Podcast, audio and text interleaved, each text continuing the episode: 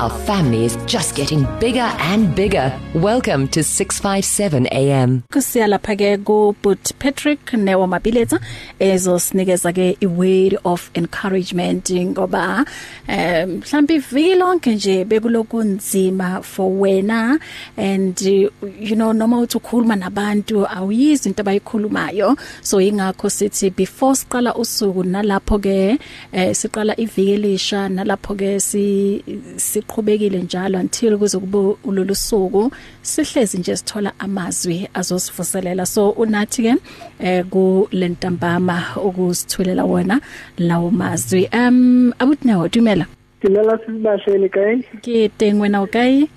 Kipe Thank you so much ukuthi ube nathi eh ku lentambama ungaba bingelela lapha emakhaya?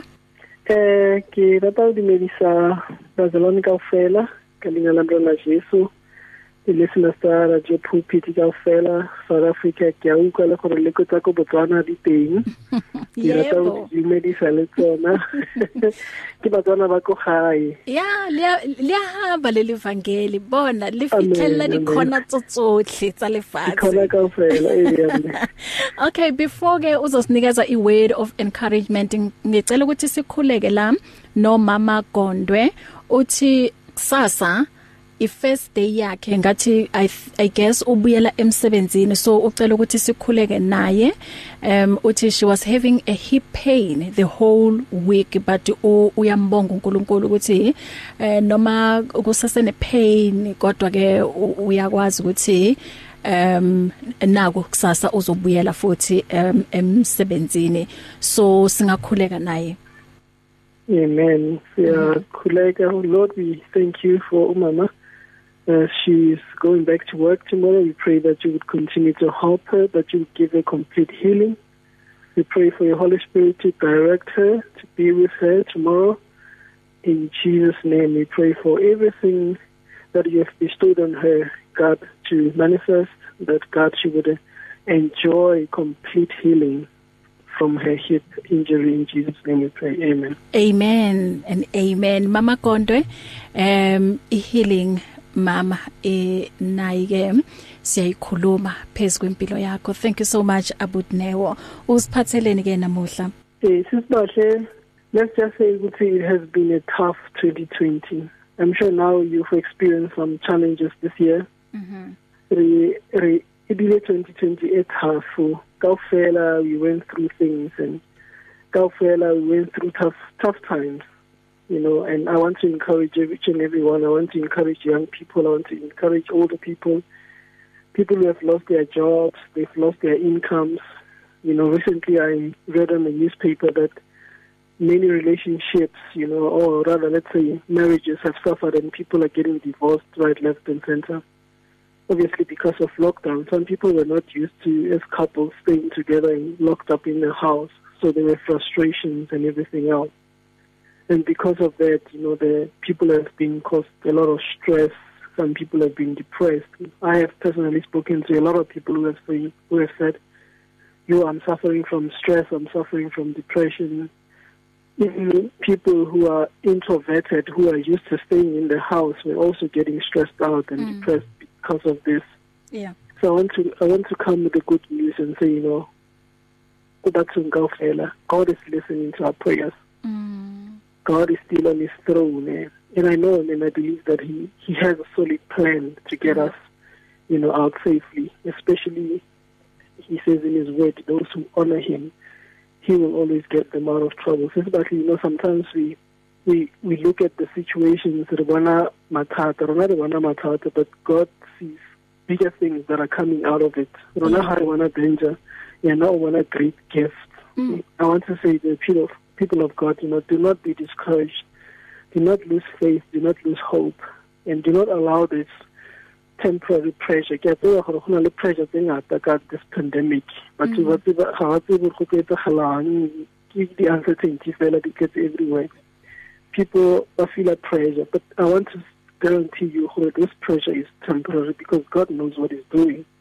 God is our captain, his battle, you know. God will not stand up uh, or sit down and uh, allow the pandemic to eat us up and destroy all of us. he he is there and he's willing to help us. All I all I can say today, take up your weapons of the spirit, fight for your families, fight for your jobs, fight for your health, because every everything in life is a fight. But mm. rona as Christians, uh, says but into ya rona ha se nama le madi. Our fight mm -hmm. is of the spirit. No, that means when somebody says fight in the spirit, it means go down on your knee. Go bua maaka mangwele o rapele praise his name. Go down protect your family. Rona as christians we protect we don't protect our families by keeping weapons and guns in our house. We protect our families we protect our kids by going down on our knees. Re gubama go to go ha betse sisibahle or go kerekeng everywhere anywhere mo solang chance ya go khubama ka mangwe wa khubama wa rapela you that's how we protect our families there are bigger, bigger things happening in the spirit world that can only be fought by prayer. We have a long time, you know, for a long time we have allowed scientists to speak over our lives as Christians. We've allowed politicians to speak over our lives and tell us what this means for mm, us. Yeah. But we believe, you know, and we have to believe in the Savior who never changes, who always keeps his promises. The Bible says that he's not a man that he should lie. Mm. He said that when in the times of trouble, he will come and he will help us. He would have not said that if he would just look at us and let us be destroyed. So now I just want to say to every person, you're a brother, you're a friend, you know, God is with you. Have hope. It is not over. Amen. You are still alive. Come to God with all that you have. Mm. Let us unite in prayer because we shall be safe. Nothing is impossible with our Lord and Savior Jesus Christ. So, lastly, uh, this I want to say, like I said before, God is not a man that he should lie. Mm. God is God of yes and amen. He fulfills his promises, and you know, he says, "If my people who are called by my name shall humble themselves and pray, I, the Lord, will hear and will heal their land." Let's face it, we need a healing in our land right now. We need a miracle God is the only one who has that power. And I have the authority to say Jesus is the only one that can change this situation. Let's pray only to God. He's the captain of our ship. And our God does not drive a Titanic ship, you know, he's not going to let it sink. He doesn't fall asleep behind the wheel or lose concentration. He is always watching. He's always waiting on us to call upon him. So I say to each and everybody, today, Mrs. Batley, if you have lost your hope, find it in Jesus.